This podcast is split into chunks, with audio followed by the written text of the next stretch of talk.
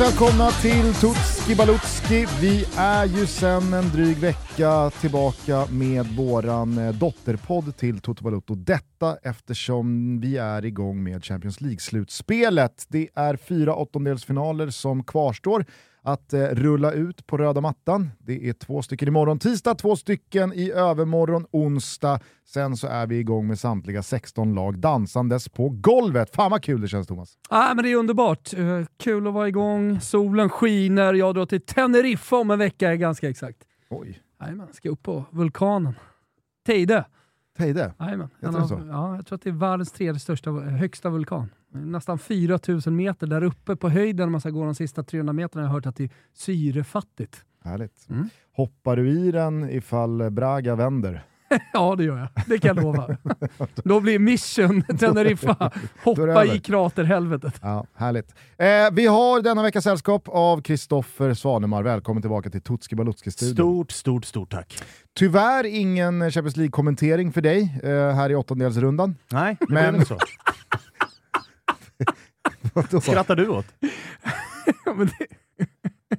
Nej, jag vet inte.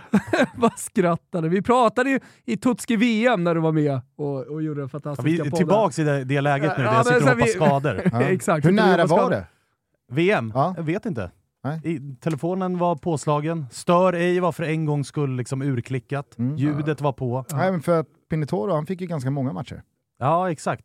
Men Kul för han då! Ja, ja. Det, det, kom inget sms och inte heller något samtal. Ja, nej, jag skulle, alltså, det, det, var, det var inget illa menat. Jag, jag, sa bara tyvärr eh, ingen eh, Champions League-kommentering för dig här eh, i åttondelsfinalerna, inte första rundan i alla fall. Men vi hoppas såklart få höra dig under våren. Mm. Mm. Det hoppas jag också. Mm. Men eh, också skönt att kunna luta sig tillbaka de här on, tisdag, onsdag. Man har jobbat med hela gruppspelet, så det är också skönt att ta soffplats ibland. Ja, för jag misstänker att eh, det nu börjar liksom eh, brännas. Nu är det inte längre sådär så att man köper att du bara skjuter saker och ting framför dig och eh, säger att nej, nej, nej, nej, det, det, det där är liksom ingenting som ska pratas om. Nu är vi där mm. med Napoli, att mm. eh, titeln är ju klar. Ligatiteln Eh, vi ja, kvartsfin kvartsfinal i Champions League, klart. Ligatiteln, klart. Eh, jag menar, det är nästan så man kan liksom tillskriva Napoli semifinal i Champions League också. Jag har svårt att se några av de här lagen störa.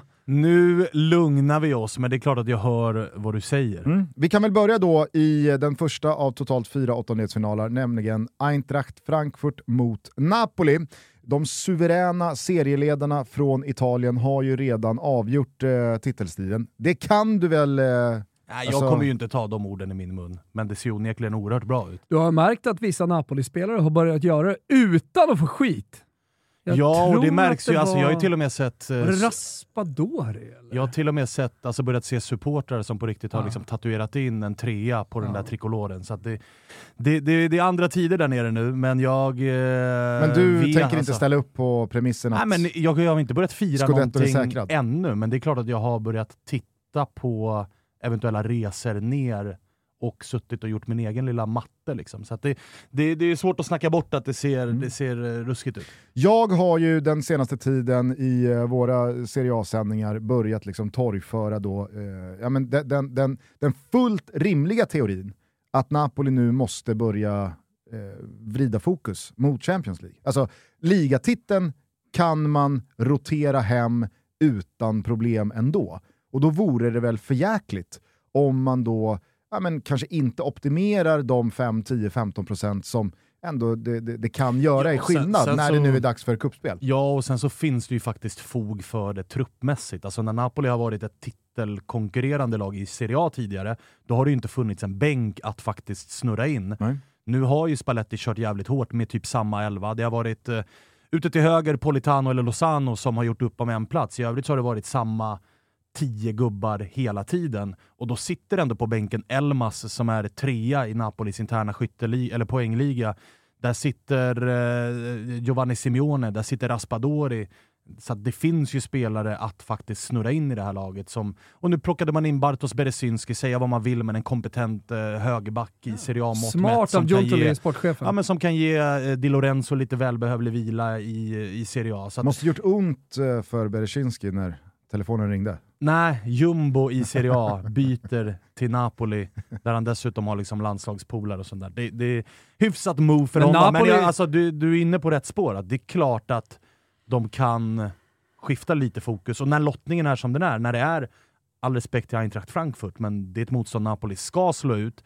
Sen kommer det handla jävligt mycket om lottning. Får man Bayern München eller City v- i nästa steg, ah, Jag vet då- inte hur länge det kommer vad det vara är, så. liksom. Eh, hur- hur mycket eh, tid man har köpt på tronen så att säga genom att eh, göra den här säsongen. Men, men i alla fall en tid framöver så kommer Napoli vara en klubb som spelare blir överlyckliga över att höra från agenten att de har visat intresse. Mm. Jag menar, alltså det, det, I sommar när, när agenten lyfter luren och säger att Napoli är intresserade, då är det ju många spelare som, som kommer kasta sig över det mötet sen. Ja, det. För, eh, för er som eh, sovit under en sten eh, under eh, omstarten här av Serie A-säsongen så leder alltså Napoli eh, den italienska ligan med 15 poäng ner till Inter. Strax där bakom finns också Milan. Övriga lag räknar jag bort. Alltså i, inte ens bara eh, teoretiskt, utan alltså, det, det, det är fan konkret Matematiskt, ja, att de är borta Ja, ur, ja, ur, ur mer eller mindre så. Alltså. Ja, ja, vad skulle du bolla upp där alltså, med tanke på att eh, Juventus har fått 15 minuspoäng? Roma? Nej, men, jag, menar, jag menar bara att alltså, Napoli är i en position där man kan förlora fyra matcher. Det, det krävs fortfarande av Inter att vinna fyra raka matcher Ja. för att det avståndet ska bli Och det man ska Och med tanke på att Inter ska in i Champions League-spel också, de är kvar i Coppa Italia, Milan ska spela Champions League, alltså vet, Ja, och det man ska ha med sig här också som gör att jag förstår varför alla säger att det är dunderklart, det är att Napoli har kvar att möta Milan, Inter, Atalanta, Lazio, allihopa dessutom på hemmaplan. Mm. Så det är ju verkligen en, en Eriksgata, mer eller mindre. Således då, kanske större fokus på, på Champions League, även om man nu inför den första matchen inte valde att vila Kvaratskhelia, inte valde att vila Osimhen. Det var alltså Elmas Zielinski som var bytet, men där går det ju att tala om att Elmas just nu är det bästa alternativet före Zielinski. Så att det var ju bästa laget man ställde ut mot Sassuolo ändå. Absolut, samtidigt fredagsmatch jag kan gilla jag kan gilla att man liksom eh, genrepar med laget som ska göra det. Mm. Alltså att de spelarna har en timme i benen. Ja. En Så dryg är timme man, i benen. är man på den platsen med truppen, att man kan göra det och alla är nöjda och glada och det är harmoni, då, då har man kommit jävligt långt under en säsong. Mm, verkligen. Eh, du nämner ju Berezinski, man har också förstärkt målvaktsposten i Golini. Ja, precis. Skickade ju, skickade ju ja, men, Sirigo ut. Nej, men, det, ja, men vem är bäst då? Vem är bäst att ha med så att säga? Nu verkar det ju båda vilja byta. Sirigu var ju inte ledsen att komma till Fiorentina, men alltså både Golini och Sirigu bytte ju och blev, alltså, de var andra målvakter och bytte och är fortfarande andra målvakter. Ja, och där pratas det ju om att Sirigu var bra för truppen och bra för omklädningsrummet och sånt, men med tanke på hur det har sett ut spelmässigt så alltså, jag tror den där gruppen mår ganska bra oavsett hans närvaro eller inte.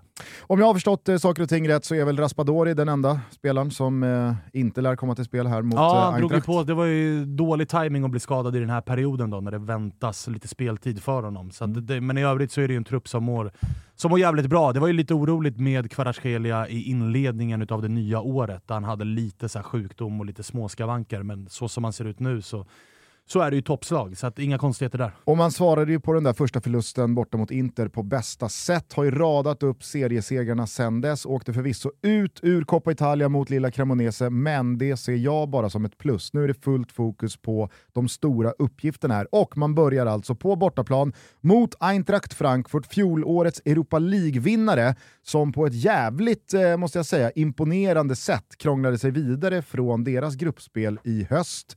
Eh, Oliver Glasners gäng är ju kanske inte det sexigaste, men man har ju längst fram eh, gett sig i kast med en otrolig anfallare. Fransmannen Randall Colomani.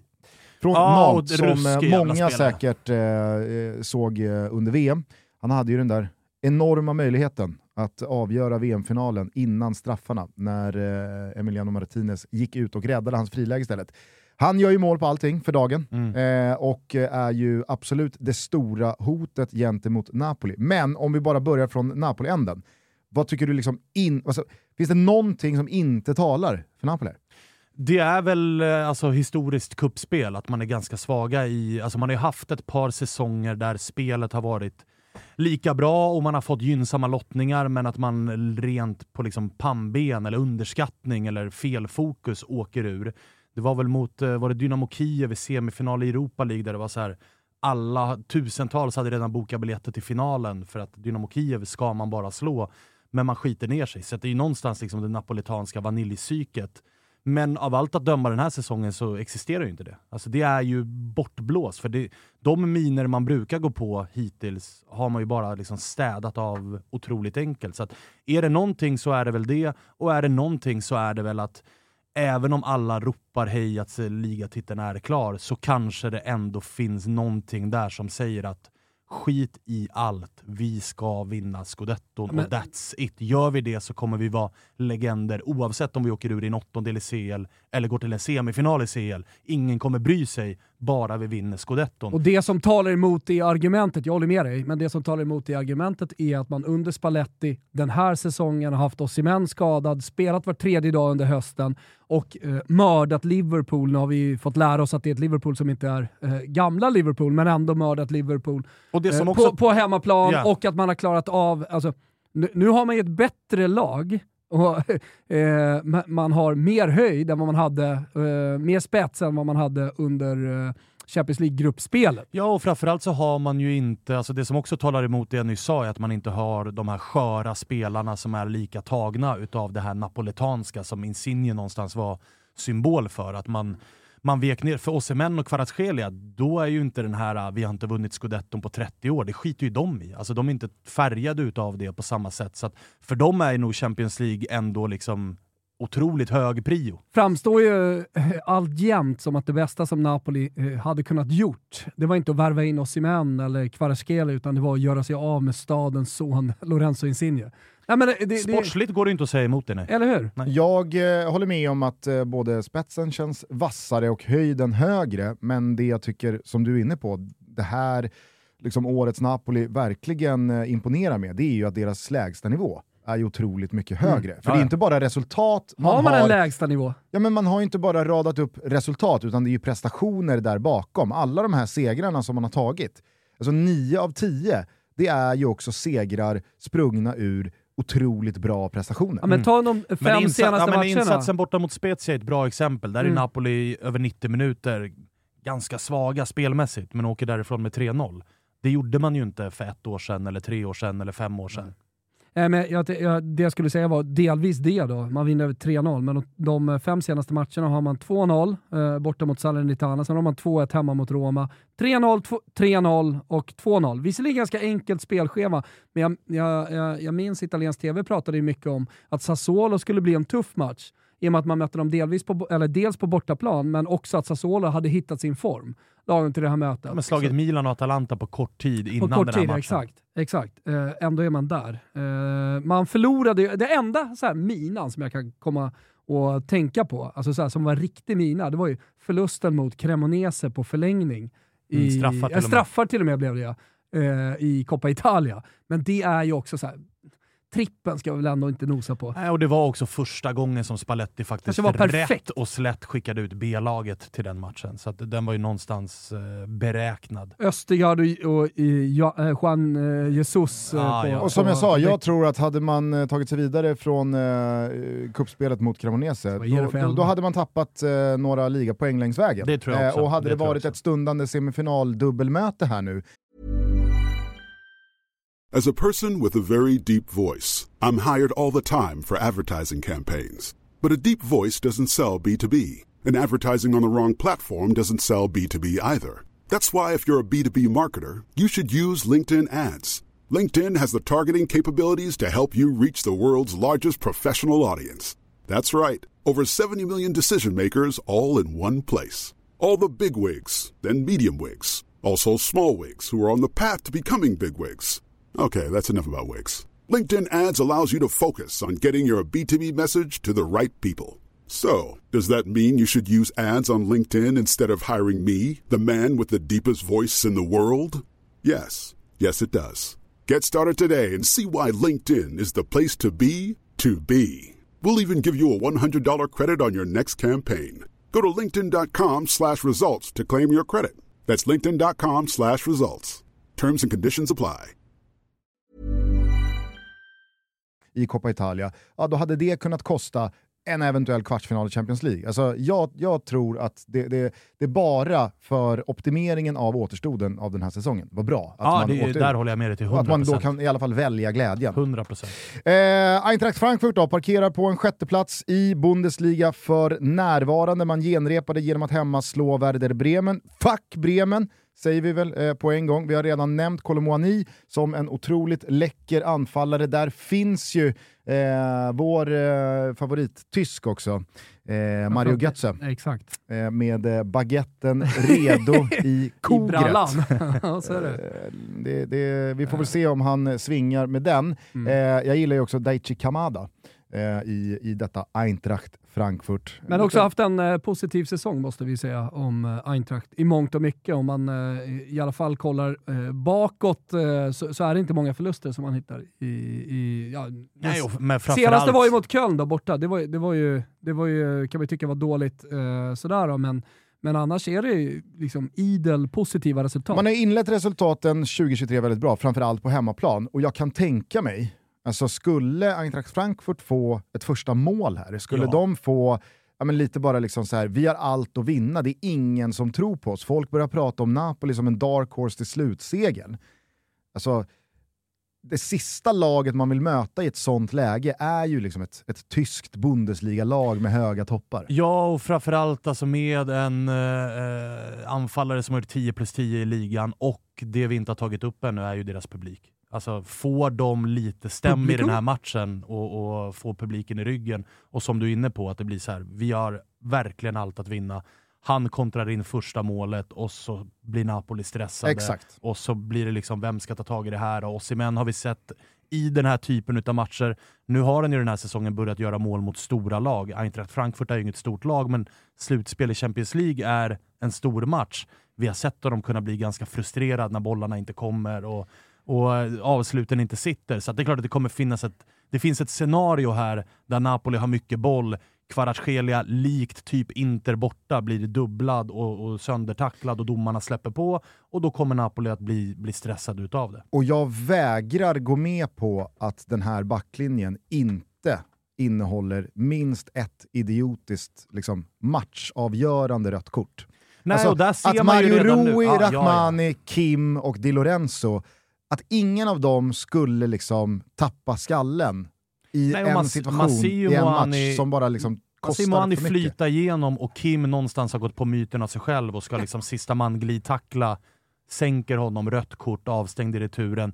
Och en retur där så här, Eintracht Frankfurt har ju likt Liverpool gått ut med ja, men så här, tweets om att så här, var försiktiga i Neapel, det här trötta jävla liksom, över alltså, överdrivna hotbilden som finns i Neapel.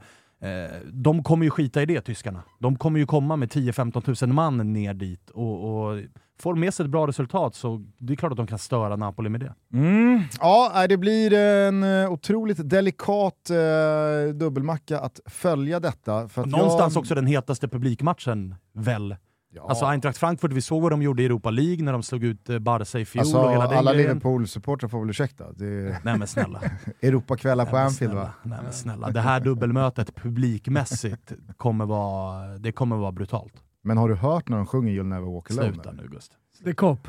Är Ja. det, det, det heter... When you walk... Ja just, just Sitter. Kimpa Wirsén och kokar där nere på Malta när han Ja. hör det. Eh, nej, jag, jag, jag, jag skojar Men- såklart. Ja, jag håller med dig till 100%. Har, har man hört någonting annars? För de som har missat ju- det, alltså, Ja. eh, Frankfurts resande bortasupportrar har ju Ja. Alltså, de har ju dominerat sociala medier här post-corona när de då liksom återigen har Och det är intagit ju städer och arenor med liksom 15, Frankfurts 20, grej. 25 000. Eh, Exakt. in, in, inte för att, eh, inte för att eh, prata illa om de som har scharlakans feger- feber, men eh, Frankfurt är väl kanske inte världens roligaste stad. Och då har de ju då istället världens eh, liksom, fetaste flyg, flygplats, eller i alla Så fall att de kan ta hubb. sig därifrån. Så de kan ju liksom åka direktflyg vart de vill. Mm. Jag vet inte om det är någon som har, som, man som har ju- varit rest ut i Europa Jag någon har ju gång. och så- landat så får man ju- ungefär 500 gånger i Frankfurt när jag ska Exakt. till Neapel. Så att Exakt. det, det, de kommer vara många där nere. Alltså Italien, ska man flyga till Italien med mellanlandning, det finns ju inte jättemånga direktflyg. Då är det alltid, antingen i och för sig visserligen München, men framförallt Fram- Frankfurt han man hamnar i. Ja. Och då har de ju li- nästan gjort en liten grej av det ju, Frankfurt-supportrarna. Alltså vi är ett resande folk. Ja. Vi har då. Vi ger i alla fall favoritskapet till Napoli i detta dubbelmöte. Betydligt mer ovisst och på pappret eh, på förhand jämnt när det kommer till tisdagens andra åttondelsfinal. Den mellan Liverpool och Real Madrid. En repris av fjolårssäsongens final från Paris som spanjorerna vann med 1-0 tänka sig att det bara är 8-9 månader sedan som Liverpool hade hugg på alla fyra titlar, skulle skriva fotbollshistoria. Eh, Jürgen Klopp förlängde sitt eh, avtal, Mohamed Salah lika så man kände att ja, det finns väl ingenting som talar för att Liverpool inte ska vara med och eh, hugga på att eh, få en ny chans på den här bedriften om ett knappt år.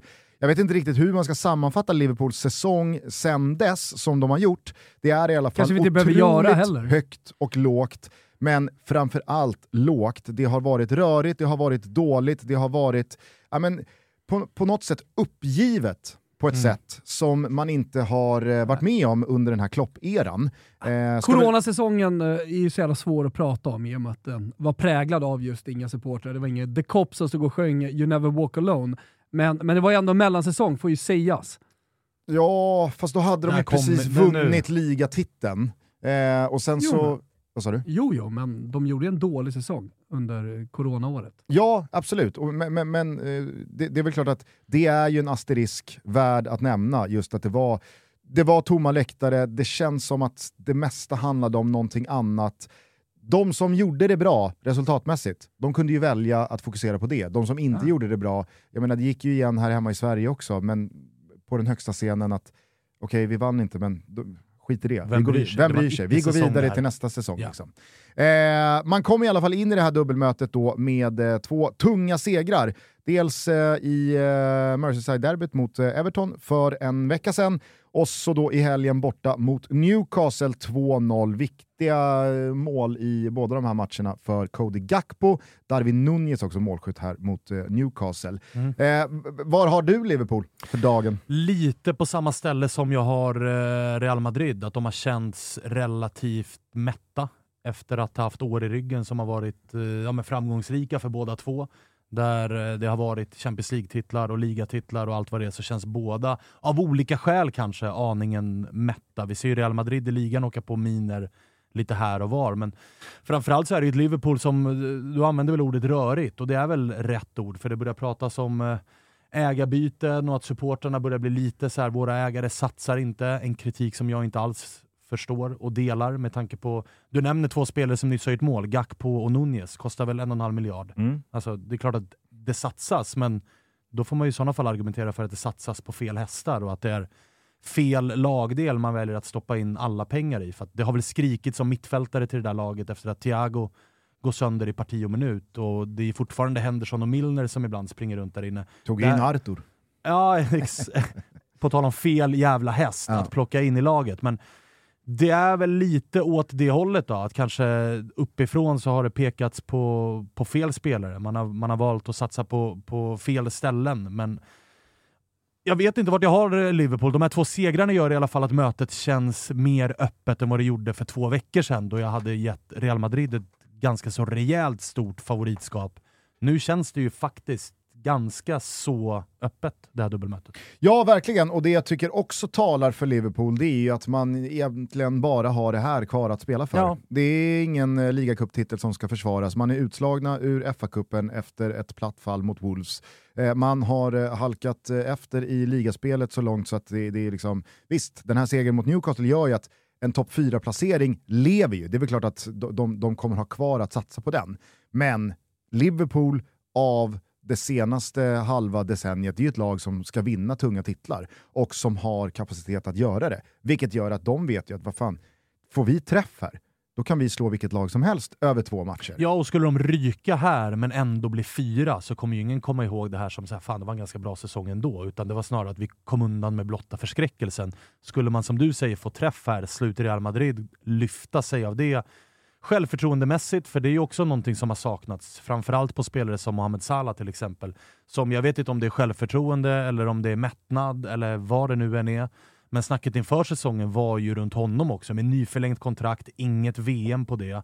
Att så här, hans ligasäsong med Liverpool kommer vara brutal. Det har den ju verkligen inte varit. Så att Gör de det bra mot Real Madrid, då kan det ju faktiskt ändå bära ganska långt. För det vet vi om i Liverpool. Lite samma som vi hade med, med Napoli, att så här, kuppspel, Europacupspel framförallt, brukar man choka. Liverpool är ju tvärtom. De brukar ju kunna eh, liksom, ta närvaro och göra det ganska så jävla bra också när mm. det vankas Champions League. Diogo Jota tillbaka efter en eh, segdragen skada. Virgil van Dijk också tillbaka i mittlåset här i eh, genrepet mot Newcastle. Det är ju dock mittfältet som väldigt många eh, slår fast är Liverpools stora, svaga eh, lagdel. Där eh, har vi ju dock lyft Stefan Bajcetic, eh, mm. den nya unga spansk-serben, serbspanjoren kanske man snarare ska säga, som en frisk fläkt som kanske kan liksom gjuta lite nytt mod i Liverpool-supporterna. Men det blir väl lite för tufft att lägga pressen på hans axlar inför ett dubbelmöte med Real Madrid, eller? Ja, alltså på ett sätt så är det ju det om man ska gå efter regeln. Man kan inte lägga så, alltså en, en åttondelsfinal mot eh, Real Madrid eh, på hans axlar och han ska inte ha något ansvar överhuvudtaget. Men eh, man kan också kolla på hur liksom, Klopp har hanterat de unga spelarna genom åren och inte minst då i Liverpool och gjort det jävligt bra och fått dem att liksom, gå ut på den där planen som att det vore en U21-match och, och prestera på samma sätt som man gör på träningar och ut, alltså utan att känna den pressen. Eh, men det är som du säger, det, det är såklart det centrala mittfältet som eh, Liverpool har de stora problemen med. Thiago återigen muskelskadad, eller återigen men muskelskadad. Det är okej okay att säga återigen där. Ja, jo men det är väl, jag vet, jag vet inte när han skadade sig. Eh, det var väl två matcher sedan eh, som han spelade. Eh, så, så, ja, men, du, du, du nämnde ju Arthur, det är fortfarande Arthur det är fortfarande en, en mittfältare och det är fortfarande ett alternativ att spela med. Men eh, det, det, det jag tror eh, för Liverpool här nu, alltså så här, dels är det självförtroendemässigt att man går dåligt i ligan, så att ha två segrar i ryggen. Eh, och eh, jag tyckte Salah såg lite piggare ut här senast också. Eh, eventuellt så kan det göra någonting med dem. Plus då Champions League-hymnen. Det är en annan turnering, vi har sett andra lag göra liksom, usla seriespel, usla, usla eh, Premier League-säsonger, men ändå gått bra i kupper. Alltså Klopp har någonting i de stora han har någonting i, i Champions League som fortfarande, liksom, du pratar om att gjuta hopp. Det, det hoppet är jag helt övertygad om finns hos eh, Liverpool-supporterna. Hur usel den här jävla Premier League-säsongen än må vara. Så eh, alltså, jag, jag ser oddsen, eh, Eh, det, det, är tydlig favorit på Real Madrid, men det är heller inte ett överjävligt Real Madrid som man möter här. Nej, jag tänker också givet dessa förutsättningar, även fast man då försöker liksom stapla eh, vad som talar för Liverpool på hög och att man kan då liksom ta sista halmstrået att göra en eh, minnesvärd säsong av det här, att man kan få till en vändning, att man kan få en tro på sommaren, på framtiden och så vidare. och så vidare. I det läget är väl samtidigt också Real Madrid det sista laget du vill möta? Verkligen, och framförallt att börja, alltså att matchen börjar spelas i England och att Real Madrid... För eh, är det några som kan det där med att få med sig ett resultat ifrån en bortamatch i det första mötet, så är det ju Real Madrid. Jo men det jag pratar om med Liverpool här, uh, Champions ja, League-hymnen och så vidare, det är, egentligen, det, det är egentligen en USP för Real Madrid. Det är de som lyfter sig ja, när här, Champions det, League kommer till Santiago Bernabéu och, och, och man ska vinna, man man ska vinna på, över 90 minuter. Och det man tänker på med Liverpool, Champions League och Anfield är ju snarare att börja borta, ligga under med 2-0 och att så här, är det några som kan göra det omöjliga? Mm. Du var väl på matchen på Anfield när de mötte Dortmund och hade en omöjlig uppgift och, och, matchen blev som matchen blev. Men, och Liverpool har väl någon som mot Barca också, där de ligger under stort ah, ja. och, eh, och, började på Camp Nou och sen tog det till Anfield och där kan man vända det. Jag tror att Liverpool på Anfield i Champions League nästan behöver lite kniven mot strupen-läge för att det ska bli så där elektriskt och magiskt som minnena, de finns ju där om det.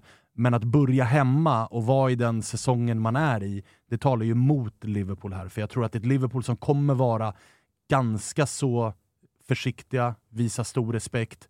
Och jag menar, leder de med 1-0, kommer de gå för tvåan? Leder de med 2-0 kommer de gå för trean, för det kommer man ju behöva mot ett Real Madrid. Kommer de. Leder de med 2-0 kommer de ju givetvis inte gå för Nej, trea. men du förstår vad jag menar. Alltså, har de dagen så kommer de nog ändå slå av på takten. För att, mm. ja, nej, och det, absolut. Och det, det är ju en stor nackdel att börja hemma i det här mötet. Och det där är väl det som verkligen präglat Liverpools säsong allra mest. Det kollektivt bristande självförtroendet ja. jämfört med tidigare säsonger. Det ja. finns ju inte där på samma sätt. Även, Även individuellt. Ja, ja, absolut. Men som, som, som kollektiv, som lag, så har det ju funnits en en, en självklarhet i Klopps Liverpool, som har spelat på ett visst sätt oavsett om någon spelare här och där har dragits med lite gamnacke. Mm. Det är ju mm. det som är den stora skillnaden på Real Madrid. Där behöver ju de inte alltid ha så jävla mycket kollektivt självförtroende. För de har alltid spelare som, alltså det, det, det är sånt jävla, och, och, som Thomas påminner oss alla om, alltså när den eh, hymnen ljuder, ja, då, vet ju att, då vet ju Modric, och Kroos, och Benzema, och Courtois. Hur är läget med Benzema? Nej, men, Alltså, han spelade ju mot Elche i veckan och så fanns han inte med i, igår, men det tror jag bara är en, en försiktighetsåtgärd. Mm. Eh, Chouameni kommer eventuellt till spel, så också Toni Kroos. Men gör de inte det, ja de kan fortfarande ställa upp med, eh, alltså Courtois är tillbaka mellan stolparna, backlinjen, alltså med Nacho som pusselbit så får du ihop en riktigt bra backlinje. Och sen så har du Modric, Valverde, Ja, och sen så här, Liverpool, eller Real Madrid verkar heller inte så jävla sköra av att de inte leder La Liga. Alltså det märker man ju på, visst Liverpool leder inte Premier League och långt därifrån, men när, själv, när spelet inte sitter och resultaten går emot så är det ju spelarprestationer där man undrar hur de ens har hamnat i Liverpool. Och man märker på en, på en tränare som Jürgen Klopp att han blir ju han har, kunde ju vara lite ocharmig och oskön även i medgång ibland. Men nu är, nu är känslan nästan att varje vecka så blåser det runt Klopp och han är direkt jävla otrevlig mot eh, journalister och vägrar svara han på vissa frågor. Han har blivit tyst alltså, liksom igen. Det är det. Ja, men det, det luktar liksom desperation. Och, och medans Don Carlo i Real Madrid, att säga ja, vi torskar borta mot Mallorca, whatever. Alltså, ja. vi, det känns nästan som att det är för Real Madrid så känns det nästan som att Champions League är deras riktiga turnering, medan La Liga, vinner vi den är det lite grann bonus. Jag tror också att det, det, det, det, är, det är ganska mycket svallvågor från fjolårssäsongen där Real Madrid och Carlo Ancelotti går in i den här säsongen med att vi vann ligatiteln och vi vann Champions League-titeln. Igen. Så det finns ett lugn i det. Ja. Medan Liverpools säsong, som kunde ha blivit fyra titlar, bara blev en ligacuptitel och en FA-cuptitel. Att det inte blev det där historiska eh, kronan på verket-avslutet för den säsongen. TBT till när min gode vän Fabian Jalkemo målade upp förra säsongens Liverpool-upplaga som ett av de fem bästa fotbollslagen någonsin. Slutade alltså med fa Cup-titel, ligatitel, ja. eller liga-cup-titel. Ja. ja. men det, det, är väl, eh, alltså, det, nu, nu, nu, kanske Jalkemo får klä skott för det, men det, det är väl tyvärr så i dagens fotboll att det krävs alldeles för lite för att börja slänga sig med sådana termer. Ja, alltså ett, ett, bra halvår. Det räcker liksom inte för att börja prata om... Manchester United-supporter så var det väl snarare ändå en jinx som också fungerade. Uppenbarligen väldigt bra ja. Mm. Det tror jag i och för sig inte att well det played. handlade om. Nej, han, tyckte han, han, han, tryck, han, tyckte han hade en bra analys. Ja. Ja, eh, återstår som sagt att se vilka av de riktigt tunga kanonerna som är lite frågetecken i Real Madrid som kommer till spel, men jag tror nog att vi kan räkna med eh, minst eh, två av dem. Jag kan se Benzema i den där startelvan, absolut. Det är definitivt. Eh, jag kan också se Toni Kroos i den. Definitivt. Eh, det, det, det, skulle inte förvåna mig. Eh, alltså, om, om man ska landa i en, en tanke, är det Real Madrid som kliver vidare till kvartsfinalen? Eller? Jag är inte så säker på det. Alltså, jag, jag håller med oddsen här, att det, det är, det är ganska tydlig fördel eh, Real Madrid, men det, det är två, två matcher ska spelas. Eh, li, lite eh, mer positivt kring eh, Liverpool, alltså 2-0-segrar. Gör någonting med ett lag, det är fortfarande fotboll vi pratar om. Uh, och det är självförtroende och sådana bitar som spelar roll. Uh, så så ja, följ oddsen, vad kan det vara, 60-40 Real Madrid, någonting sånt. Ja, men att den där segern också kom mot Newcastle som någonstans var mm. liksom, det Newcastle har gjort den här säsongen och den där defensiven och vinna den matchen med 2-0 det tror jag väger jävligt tungt hos Real, eller Liverpools självförtroende. Eh, jag tror att det kan bli en jävligt eh, rolig tisdagskväll i alla fall. Verkligen. 20.00 öppnar studion på Simor. Eh, häng med oss, eh, det är samma tider och klockslag som gäller på onsdagen. Ni ser all fotboll från eh, Champions League eh, med era simor abonnemang Skaffa ett eh, Premium Plus-abonnemang så mm. missar ni ingenting från vare sig Champions League, La Liga, Serie A, Svenska Kuppen eller Allsvenskan när den drar igång. Eh, det går ju att se matcherna via eh, Discovery Plus på sitt simor konto eh, Tänkte är... fylla på med någonting, men nu, nu, har du ju sagt det mesta i fotbollsväg som, eh, som Simor visar, så att det får ju bli då Beck 1 25. Glöm inte bort det. Nej, slumpgeneratorn bara, eh, som eh, litet, ett litet eh, kompani bredvid. Jajamän. Champion! Eh, ska vi flytta oss till onsdagen då? Eh, mm. För då är det de två avslutande åttondelsfinalmötena som stundar. Eh, på Giuseppe Meazza i Milano så välkomnar Inter Porto fin liten eh, Mourinho-clash det här. Ja, faktiskt. Han som den vunnit här... den här turneringen med båda de här klubbarna på 2000-talet. Det här är ju min... Eh, Alla vägar det, det kommer vara på min huvudskärm i alla fall på, på onsdag. Det, det, är en underskattad match faktiskt mellan två. Jag gillar ju de portugisiska då? lagen som jag kommenterade ganska mycket under gruppspelsrundan. Eh, mycket Benfica, och de har ju blivit uppsnackade lite grann som, alltså, väl, som det klart och tydligt bästa laget i Portugal tittar man på hur det har sett ut här under den här säsongen så är de ju väldigt jämna, Benfica och Porto. Och Porto kommer ju till den här matchen med en rejäl form. Tio raka vinster, åtta av de matcherna man hållit nollan i. Två av vinsterna... Pittiga två av portugisiska ligan. Ja, men två, av vinsterna, två av vinsterna är mot Sporting Lissabon. Ah, okay. Eh, så att jag menar, det är också vinster som, som väger tungt. Men att komma med den resultatraden till det här mötet och dessutom få börja på bortaplan jag tror att Porto känner att de har ganska god chans att gå vidare. Också med historiken av att de slog ut Juventus för någon säsong sedan. Så de räds nog inte den här matchen, Porto, och en sån som Pepe lär ju trivas ganska bra när det hettar till. Knapp mm. favorit Inter säger jag på uppstuds här, 55-45 någonstans där. Ja, jag säger inte emot att favoritskapet ligger på Inter. Jag har ju Inter som en dark horse till slutsegen.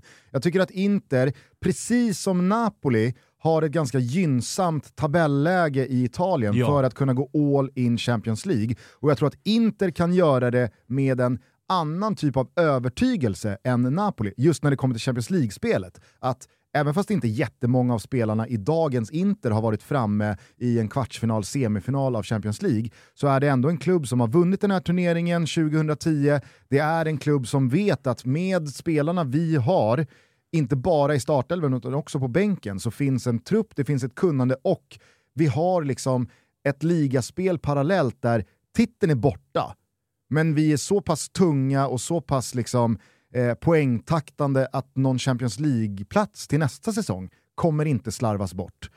Utan jag tror att eh, Inter, Inter kan nog tuta i sig själva med tanke på vad man gjorde för insatser mot Barcelona i höstas. Att så vad fan, vi, vi behöver inte rädas någon. Ja, och jag delar verkligen... Jag ser inte gå ut och göra en otroligt stor match Jag delar ju också din uppfattning gällande det, att Inter alltså, kan verkligen gå all in Champions League. Och det, det sågs ju i helgen mot uh, Udinese där man roterar. Alltså Milan Skriniar startar inte, hoppar inte Nej. ens in i matchen. Man väljer till och med att liksom switcha målvaktspositionen. Och Lautaro får, Martinez får vila lite också... grann. Lautaro Martinez sitter på bänken. En spelare som Lukaku kommer få liksom, vecka efter vecka. Ja, Vilken precis. perfekt match för Lukaku att liksom få minuter i. Ja, alltså, men alltså, han kommer ju också växa ju längre det här går. Det, alltså, att, det att Lukaku får slå om sin straff fundamentalt för ja. hans, resten av säsongen att han får göra det. Eh, också, det kan vara Champions League-titeln där. Också, jag gillade självförtroendet i att slå en identisk andra straff. Får, får jag Den nämna ska i det hörnet igen. Det får jag, jag är nämna en spelare som jag tycker eh, börjar se bra ut? Gör det Mkhitaryan. Ja, nej, men alltså, ja. han har ju under jo, men, hela Det var ju inte bara mål mot Udinese, det var, det var ju mycket stoff. Jo men under hela, under hela Brozovic frånvaro så har ju Mkhitaryan alltså, han har, han har, han har eh, överraskat väldigt positivt på mig. Alltså den, den förmågan att kontrollera ett mittfält så som han har gjort, som ställföreträdare, mm. såg inte riktigt han ha det. Nej, det, det har han faktiskt gjort riktigt bra. Och på tal om det så var det ju viktiga minuter även för Brozovic som spelade en timme här. Alltså där mm. får de ju tillbaka också. Så de har ju de har ett gynnsamt skadeläge och likt, inte riktigt på samma nivå, men likt Liverpool så är det ju någonting med San Siro, mm. Champions League-hymnen, och Inter som du säger som ändå vet hur man vinner saker och ting. Eh, så att det, det är klart att jag också ser ett Inter gå ut och verkligen ställa all in i Champions League samtidigt som Porto ska dubbelspela med ligan. De jagar Benfica i den portugisiska ligan. Men de börjar borta, avslutar hemma, så det enda jag vill ha sagt är att jag tror inte det här kommer bli eh, speciellt enkelt för Inter. Löser de det däremot, och den boosten det kan ge, lite gynnsam lottning på det, absolut kan gå, kan gå långt. Sen så måste vi ändå vara tydliga med att det är en skillnad för Real Madrid att vända tillbaka till Bernabeu med ett 0-2 underläge eller ett tvåmålsunderläge och för Porto att göra det till Dragao. Alltså det är så här, får Inter med sig 2-0 från Milano, ah, ja. då tror jag att ja, alla inblandade i det där mötet vet att det här är liksom, det är över. Ja, ja. Inter vet det, Porto vet det. Ja det, det är ju skillnaden ja. på att Porto liksom inte har samma typ av eh, hemmaplansfördel i returmötet som övriga stora ja, drakar. Nej, alltså så är det, så är det definitivt. sen så, sen så köper jag det du säger med att eh, liksom det, det, är svårare att avläsa eh, Porto än Inter sett till eh, vad man kommer från för, för ligaspel. Jag tycker också det är värt att påminna sig själv om att Porto faktiskt stod för ett par riktigt jävla bottennapp under hösten. Ja, eh, man, man, löser ju den där gruppsegen på, på något jävla skumt sätt. Man ska inte gå och vinna den gruppen efter de två första omgångarna.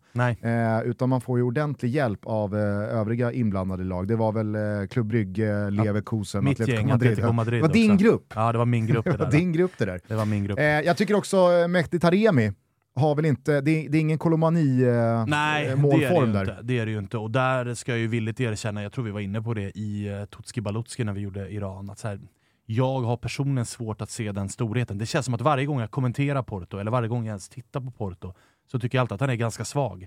Varje gång man går in på livescore och kollar Porto, då har han alltid gjort mål. Så det är någonting som inte stämmer med Taremi. Men innan vi lämnar Inter så vill man väl också ha sagt att så här, nu när skadeläget är som det är så kryllar det ju faktiskt av matchvinnare. Alltså det kommer ju vara Dzeko, Lautaro Martinez som startar. Det kommer vara Dimarco som startar. Men att kunna kasta in spelare som Lukaku, Robin Gosens, alltså det är ju det är matchvinnare Inter har, på, matchvinnare av hög internationell kvalitet som sitter på den där Interbänken som Inzaghi kan använda. Och till skillnad från Inters tidigare tränare Conte så är ju faktiskt Inzaghi en ganska vass kupptränare. Det har han visat många säsonger med Lazio där han har ett par Coppa Italia-titlar på kontot. Och de vann ju dubbla titlar i fjol i Italien, både kuppen och superkuppen. Så han vet ju hur man liksom i matcher som står och väger, utslagsmatcher, så vet han ofta hur man får ut jävligt mycket av laget. Mm. Men eh, jag kan också se Simone Inzaghi dribbla bort sig själv här.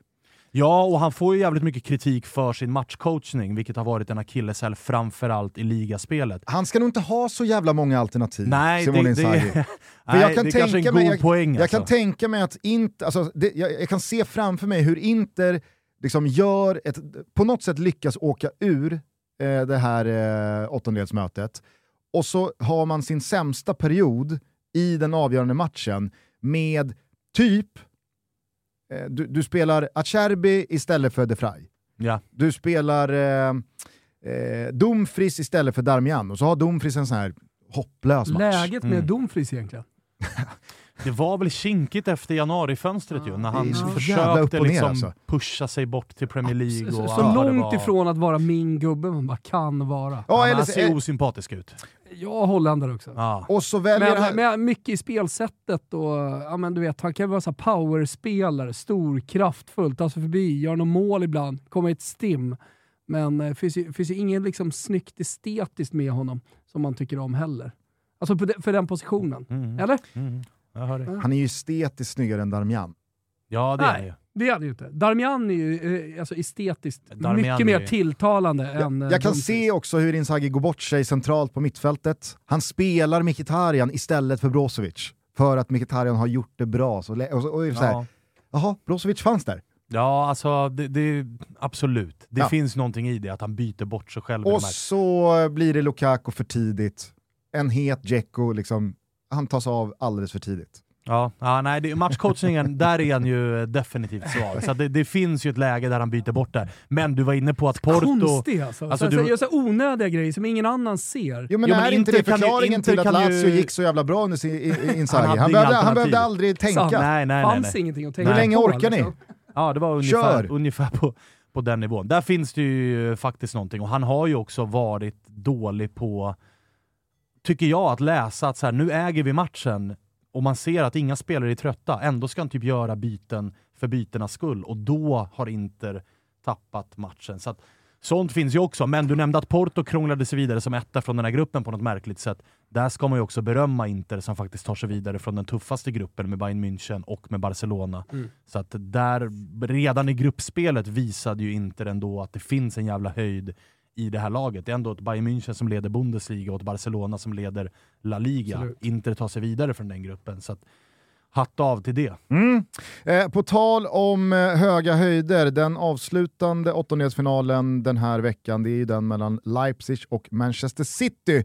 Ett City som alltså föregående vecka lyckades med konststycket att eh, borta slå Arsenal på Emirates efter en imponerande andra halvlek för att sen följa upp det med 1 1 mot Nottingham Forest. Och det säger väl en del eh, om eh, Citys säsong i stort, just den resultatmässiga veckan. Att eh, när, när man ibland ser dem spela på toppen av sin förmåga så sitter man och tänker, det kan inte finnas något lag som kan stå emot det här. Det här måste vara över 180 minuter, omöjligt för samtliga lag att kunna liksom fäktas med. Det är Napoli emot. Visst. Nej, det är inte. Nej, men, eh, alltså, håll med mig. men- och sen Ja, så ja, ja. dyker Manchester, Manchester City upp tre dagar senare, fyra dagar senare, veckan efter. Och det är så undermåligt på alla sätt och vis. Pep har eh, gjort fyra, fem, sex byten i, i startelvan. Haaland kommer inte till en touch i boxen och det ser ut som att Manchester City spelar en helt betydelselös match. Ja, dels, dels det. Inställningsmässigt känns det konstigt. De går ner i energi på något, på något märkligt sätt. Sen är det något med City eh, och deras Champions League-spel som gör att det, det, det finns ju inget lag, och det måste ni båda hålla med om, eh, som man följer med samma skepsis. Oavsett om det är Leipzig de möter eller om det är Real Madrid i Champions League. För just det du säger nu, man vet aldrig vad du får för City som kliver in. Det, det kan vara så att man nästa helg vinner stort i ligan och det känns precis så som du säger, men du går ju in med eh, eh, frågetecken inför nästa Champions League-match ändå. För du vet aldrig hur han roterar och hur han får till det. Och det är någonting med, jag, jag tycker att det är någonting med energinivåerna, som du nämnde här mot eh, Forest. Det, det är liksom bortblåst det som var mot eh, Arsenal. Man borde ju ändå kunna rida någonstans på någon slags eh, energivåg i den här matchen och eh, liksom dra hem en 2-0-seger. Sen måste man ju utan att på ett misslyckat och onödigt sätt liksom mäta fotbollshjärna med Pep Guardiola, någon gång dra gränsen handlar- för hur mycket man kan förändra i ett fotbollslag från en match till en annan. Och, och, och, och landa i att så här, det måste få mer negativ effekt än positiv. Alltså att hålla på och byta en hel backlinje Du nämnde en... Simone Inzaghi i Lazio. Det var så jävla skönt för honom för han slapp byta. Alltså egentligen, det ägarna och sportchefen eh, i City borde göra, det är ju ge en elva. Alltså två, tre avbytare som kommer in, resten är kassa. Sorry man, alltså du, du, du får klara dig på det här. Ja, Jag tror, jag tror att det hade varit det bästa som kunde hända Manchester lägger resurserna på fysteamet. Ja. Hålla alla eh, friska. Ja, men är det så här att några är borta, man ställer ett svagare lag på, på, på banan, ja men då vet du att i alla fall får spelare som kommer gå in och kriga. Liksom för de spelarna som är borta för, för Pep Guardiola. Alltså in med Primavera-laget, eh, halva Primavera-laget i, i, i ligan. För det är ju bara en sak för Pep Guardiola att vinna. Han har vunnit ligan sex gånger va, med City. Jo, absolut, men... Nej det har han ju inte. Han Håller- har, de, City har vunnit ligan sex gånger sedan 2010. Mm. Eller hur? Ja, exakt. Men, men, men det är redan gjort. Alltså, vi pratar om eh, Bayern München, PSG, Real Madrid och Barcelona som kan pissa på en ligatitel ett år och komma två eller trea. Eh, Jag menar, det kan man ju tycka att eh, Pep Guardiola och City-supportrarna också lite skulle kunna göra. Men det kan de ju inte, uppenbarligen. För att de kan aldrig vinna Champions League. Därför blir ligatiteln så jävla viktig för dem. Men jag vet inte vad du säger, eh, jag, jag, jag tycker att det har varit värre än någonsin den här säsongen Ja. med just Pep Guardiolas försök till att... Jag, jag, jag, jag, jag vet inte riktigt vad det är han försöker göra ens. Men Nej, det, är, alltså- det är nya backlinjer, det är nya ytterforwards, det är nya formationer, han eh, skeppar iväg eh, Ja, nyckelspelare, det han bänkar ta... och boxar andra. Alltså, Men det, bör, det är lite samma känsla som man har, eller som jag har i alla fall, kring Klopp. Att det börjar nog ta slut. Alltså energin och brintiden i den här klubben, det börjar ta slut. Just med tanke på ja, men, relationer mellan honom och spelarna, med tanke på Cancelo som har varit en av nyckelspelarna som har spelat typ mest under Pep. Helt plötsligt blir bänkad i stora matcher och viktiga matcher och så går det en månad till och sen är han skeppad till Bayern München hipp som happ och det gick väldigt fort. Och nu i efterhand har, verkar det ha kommit fram att det var liksom relationen som sprack snarare än att det var något sportsligt. Och att det dessutom är ett City som vi under Peps tid egentligen bara har sett gå uppåt, men att när man har varit på sin allra högsta höjd också haft en jävligt hög högst, lägsta nivå. Man har alltid vetat att det här är det City vi kommer få se. Det här är väl första säsongen där vi faktiskt ser ett City som, om man jämför med Real Madrid, Barcelona, PSG, de största lagen som är favoriter, så är väl City det lag som har den absolut lägsta, lägsta nivån. Att det kan verkligen se ut som skit. De kan ha ett bollinnehav som är 60% men det går långsamt, det är trögt, det är inte en målchans. Skillnaden på planen spelare för spelare är egentligen bara att Håland har kommit in, men nu är ju nästan känslan att har inte Håland dagen, då vinner inte City. Han behöver göra 1 plus 1, 2 plus 0, hattrick. Då vinner de. Mm. För de släpper inte in tre, men de släpper in ett eller två. Och gör inte Håland sina mål, då, då vinner de inte. Så det, det, det, är en jävla märklig säsong på så sätt. Verkligen. Eh, sen så talar väl väldigt mycket för att eh, Haaland kommer få sina lägen och City kommer göra sina mål mot just Leipzig. Eh, Red Bull-laget är väl inte direkt eh, kända för att slå vakt om sitt eget straffområde med någon Catenaccio-lösning eh, och bara stå och deffa, utan de kommer såklart gå för det. Det var väl eh, i fjol tror jag man hade varandra i gruppen, då blev det 6-3 ja. på Etihad eh, och det var bara öppna spjäll mm. åt båda håll. Eh, Leipzig har ju bytt ett par tränare sedan dess, eh, numera är det Marco Rose som rattar eh, det här laget och jag tycker faktiskt att man ska komma ihåg hur det såg ut när man slog Real Madrid i höstas för avancemanget eh, till slutspelet.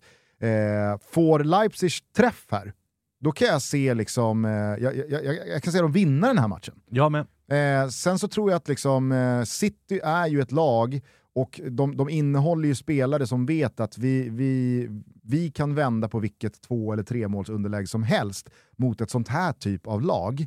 Eh, så att jag, jag, jag, skulle absolut inte stänga något dubbelmöte ifall Leipzig går segrande ur den här striden. Nej. Men med tanke på den högsta höjden de besitter, i synnerhet offensivt, mm. med ett par spelare dessutom i bra slag. Så jävla tysk energi Med på noll det. att förlora också. Flyga, flyga ja, och så fram, den där, du, nämner högt. ju, du nämner ju den där offensiven. Den är ju alltså André Silva, Timo Werner, Dominik Soboslaj och Foppen. och Foppen. Nu är väl Olmo skadad, så att han, han kommer väl inte till, Olmo hit, till spel. Dolmen men, dit. Äh, det, det, det, det är tillräckligt bra. Nej, men, så här, men, det, jag vill, jag vill säga alltså, offensiven City, är ju... Och City i brygga.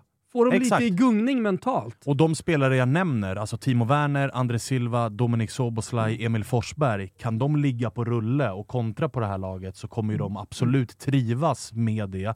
Och då landar ju stort ansvar på miljardmannen mm. i backlinjen. Ja, men det vi pratar om är väl... olika scenarier, bara så folk är med. Vi tror inget åt det ena eller åt det andra hållet, men det är olika scenarier. Det här är ett scenario hur det skulle kunna se ut. Ja, men matchen Ett annat matchen... scenario är att eh, City fläker ut storkuken och bara kör över och, och vinner matchen, absolut. Ja, men matchen men... i matchen är ju Guardiol Håland. Det var det jag skulle landa i. Det är väl hela veckans mest intressanta match i matchen. Guardiol mm. mot Håland. Antingen så kommer... Alltså, nej, jag, jag, ska inte säga att det fortfarande är liksom up for debate. Jag tycker Guardiol under VM visade att är han klass. är... Alltså, men fortfarande 12 alltså, år kost, gammal. Det ska kosta en miljard. Det ska han fan ja, göra. Det, det, det, är rimligt. Alltså, och, och, och då, då, det säger jag sett till vad eh, lag som Chelsea betalar för priser för andra typer av spelare. Mm. Men, eh, Haaland mot eh, Guardiol blir ju en eh, ruskig Eh, ruskig fin eh, battle. Jag skrev Clash of the Titans tidigare idag när vi spelade in detta på söndagen. Höjlund mot Baskirotto i, i Lecce.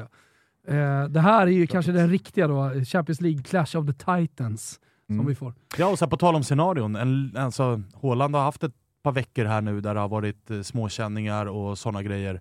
Alltså, får han den och vad det då gör med Citys trupp när de känner att där försvann han som skulle skjuta oss vidare. Mm. Alltså då, då, då är det här ett öppet möte. Ja. Sen är det väl lite så här också att eh, Leipzig inte är några vinnare.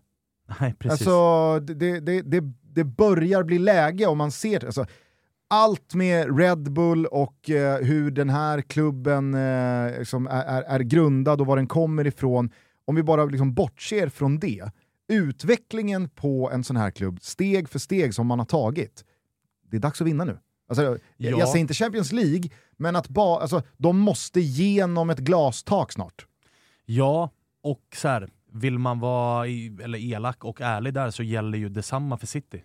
Att det är läge när det kommer till, när det kommer till Champions League, absolut. Det är ja. läge att göra det. Så att, men jag, jag hör ju vad du säger, att Alltså Leipzig är ju ett lag som, de kommer säkert göra två bra matcher här mm. och åka ut för att det är dit, det är de har de kommit dit men inte längre. Och det, det är en klubb som innehåller bara massa spelare som de kan mäta sig med de bästa i september, mm. i december, De kan ta sig till någon eh, DFB Cup-final. Eh, men när säsongen summeras så har man kommit tvåa, trea, fyra. Mm. mm. Och det, jag, jag, vet inte, jag tror, Hörrni, gubbar, jag tror att det där joddel, gör skillnad. Joddel, joddel. Folk sitter och undrar om det finns några rublar till uh, Champions League-mötena. Det här är ju trots allt Tutski CL. Ja, men det finns det. Vi har en dubbel. Inter och City vinner. Ja, jag vet inte hur vi ska landa i det surret. Men över 5,5 mål också i dubbelmötet Liverpool-Real Madrid. Och sen så har vi Kvaratskhelia och Osimhen som båda gör mål i dubbelmötet. Eh, det här är värt att ta med sig. Man hittar eh, alla spel på snabbare.com. Man går in på bettingsidan så hittar man eh, en bild där som eh, eh, leder er direkt in till alla Toto Balotto-spel. Tänk på att ni måste vara 18 år gamla om ni ska spela och stödlinjen.se finns om man har problem med spel. Eh, vidare till er då. Eh, är, det, är det här scenarier ni ser liksom, framför er? Jag att... tror att Inter vinner klart och tydligt mot Porto.